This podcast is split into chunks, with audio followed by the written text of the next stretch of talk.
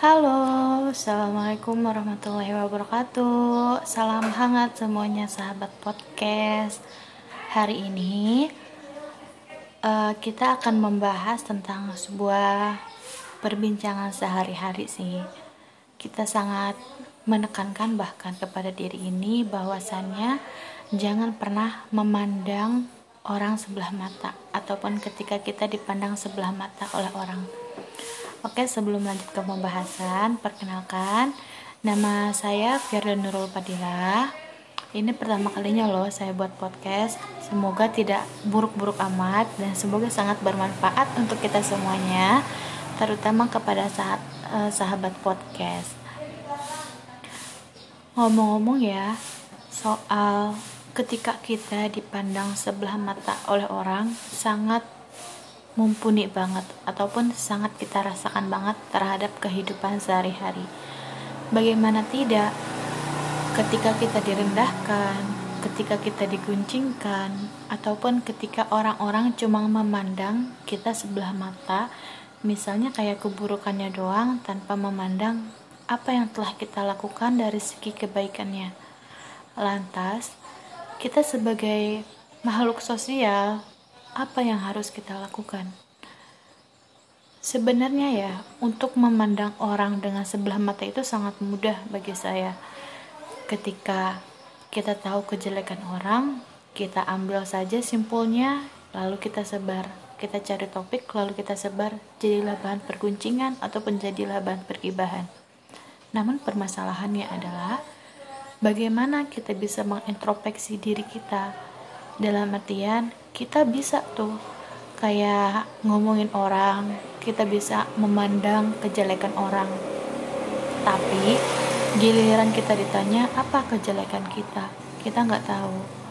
Giliran kita diomongin lagi sama orang kita nggak mau kayak gitu.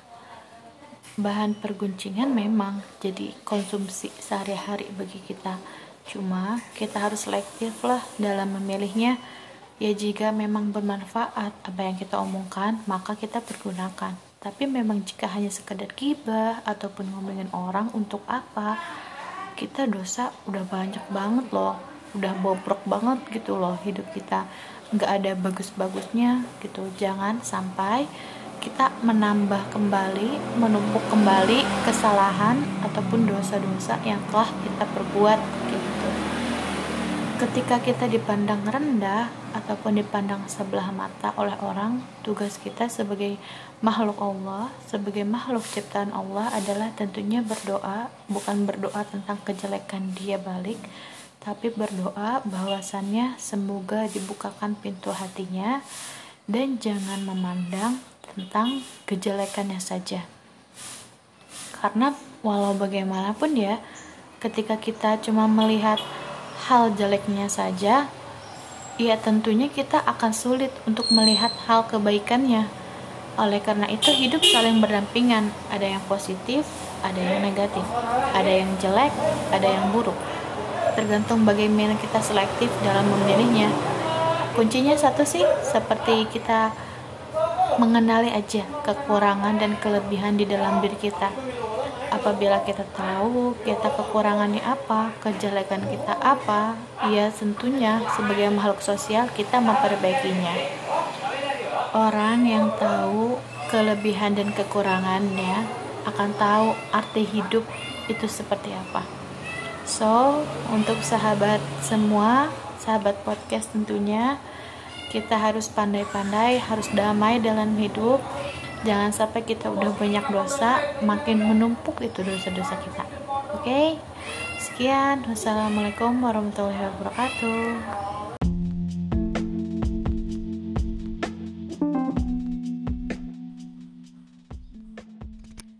Halo, assalamualaikum warahmatullahi wabarakatuh, sahabat podcast semuanya.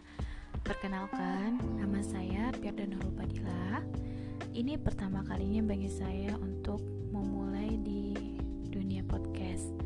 Semoga apa yang disampaikan bisa bermanfaat dan semoga tidak buruk-buruk amat.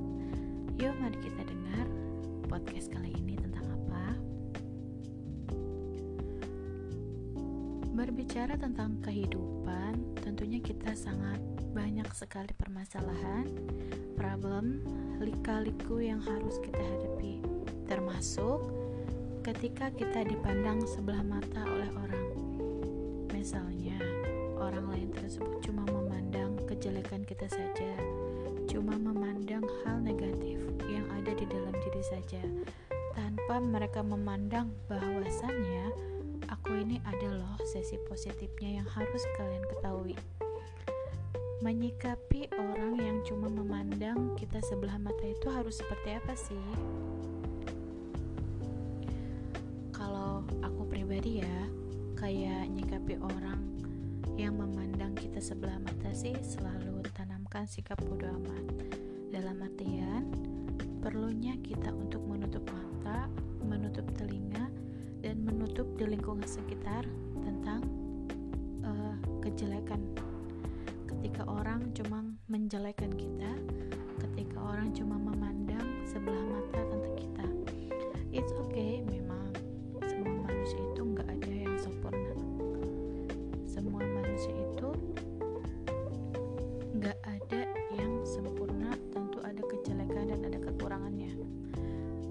tidak harus diumbarkan ya kan?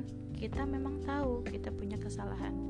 Kita memang tahu kita memang punya kejelekan. Dan kita juga tahu bahwa kita tidak sempurna. Tapi bukan berarti kejelekan kita itu bisa diumbar ataupun disebarluaskan kepada orang-orang. Kalau memang ada orang yang menyebarluaskan tentang kejelekan kita alangkah lebih baiknya kita diam saja. Bukan berarti kita nggak mau melawan tapi kita coba sikapi dengan sikap yang santai. Jika memang itu faktanya, kejelekan kita yang kita umbar, ya udah biarkan aja. Tanamkan sikap bodoh amat. Terkecuali kejelekan kita itu diumbar dan dilebih-lebihkan. Orang lain kayak melebih-lebihkan tentang kejelekan kita, baru tuh kita bisa ngomong kayak gitu kan. Karena nggak ada makhluk yang sempurna manusia itu punya kekurangan.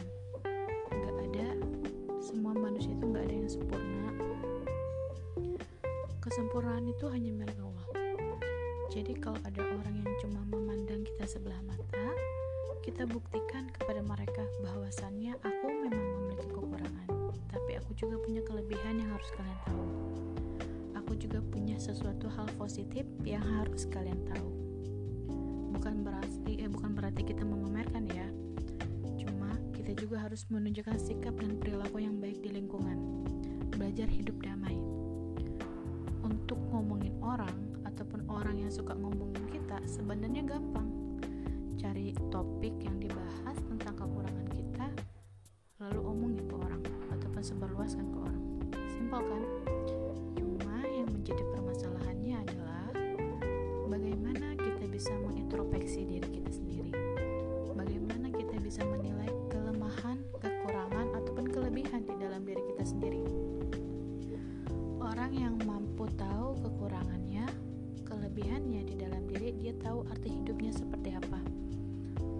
Kita kurangnya banyak, maka tugas kita untuk memperbaiki. Jangan udah banyak kekurangan, ngomongin orang lagi cuma memandang orang sebelah mata juga nanti makin banyak tuh kekurangan kita terutama dari segi lisan dari segi lisan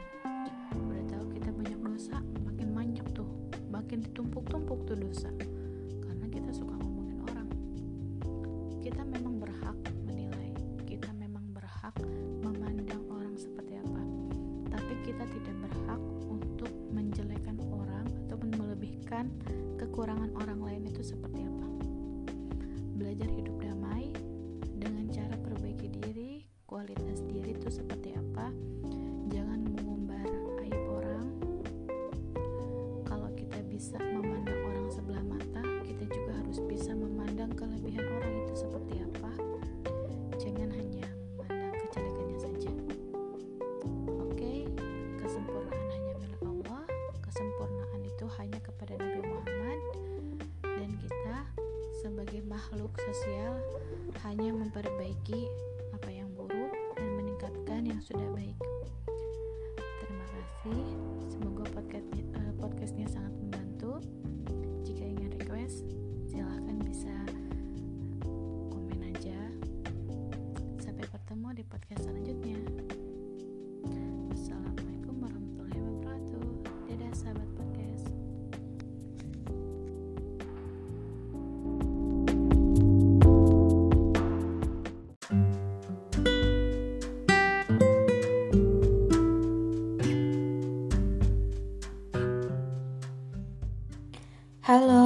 Assalamualaikum warahmatullahi wabarakatuh. Kembali lagi dengan podcast kali ini, yaitu Sahabat Podcast. Mungkin ya, segmen kali ini kita akan membahas tentang bagaimana kita bisa melakukan konseling secara mandiri ataupun konseling secara pribadi.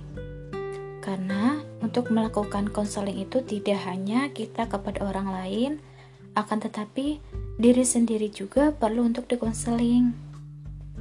Coba deh, bayangkan sama kita, apabila kita hanya memandang satu sudut, satu objek, yaitu kita memandang bagaimana orang lain bisa dikonseling dengan kita, lalu selesai, tapi kita tidak bisa memandang diri sendiri untuk dikonseling secara pribadi.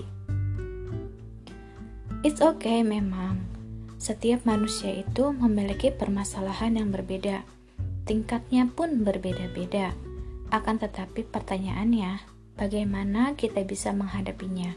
Bagaimana kita bisa melaluinya? Dan bagaimana kita bisa menemukan titik solusi dari permasalahan tersebut? Coba kalian bisa tanya ke diri sendiri, sudahkah diri kalian untuk menembus atau menemukan solusi dari permasalahan yang sedang kalian alami saat ini. Intinya tuh ya, permasalahan yang kita hadapi itu saat ini mungkin baru segede kerikil yang ada di pasir, baru sebesar bubuk yang ada di kopi. Tapi kita tidak tahu ke depannya itu seperti apa. Mungkin di depan juga masih banyak masalah yang sangat menunggu untuk kita jemput. Itu pintu masalah sangat gede, sudah terbuka lebar, tinggal bagaimana kita menjemputnya. Maka oleh karena itu, coba persiapkan diri kita, persiapkan mental kita untuk menghadapi cobaan itu. Banyak orang, banyak di antara kita yang mungkin bisa dikategorikan terhadap dua hal dalam menghadapi masalah. Yang pertama itu menghadapinya secara positif, yaitu self controlnya yang tinggi. Dan yang kedua secara negatif, yaitu dengan pikiran secara panas. Seperti kalau kita punya masalah itu langsung dipikirin, diparnoin, dibawanya depresi, dibawanya stres, dan berujung kepada sakit mental.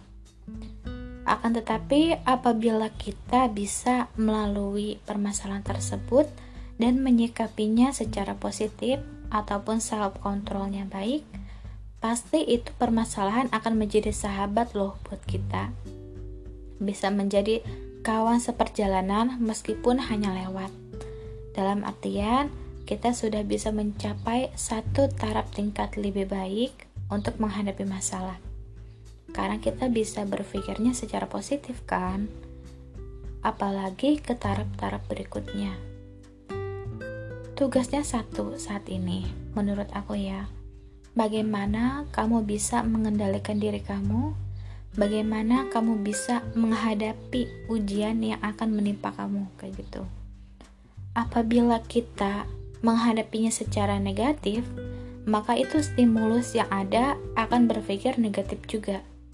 Tapi apabila kita berpikirnya positif, maka itu stimulus akan memberikan asupan yang positif juga kepada kita. Masalah yang kita hadapi, positif ataupun negatifnya, tergantung bagaimana kita bisa menghadapinya. Tergantung bagaimana keputusan ataupun decision control yang kamu hadapinya itu seperti apa.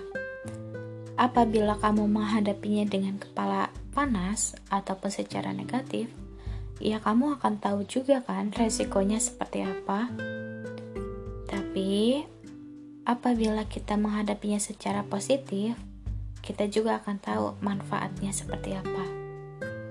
Coba kalian bisa tanyakan kepada diri kalian sendiri, sudahkah bisa mengontrol diri? Sudahkah self control itu ada di dalam diri kalian? Dan sudahkah kalian berdamai dengan diri sendiri? Masihkah kalian menghadapi masalah dengan marah-marah, dengan menyalahkan orang lain, ataupun dengan perbuatan yang tidak baik, misalnya melempar barang dan lain sebagainya? Hal itu menandakan bahwasannya kamu belum bisa mengontrol diri kamu dengan baik. Mari kita sadarkan diri kita sama-sama untuk perlunya mengkonseling diri sendiri lewat self control yang ada. Oke. Okay?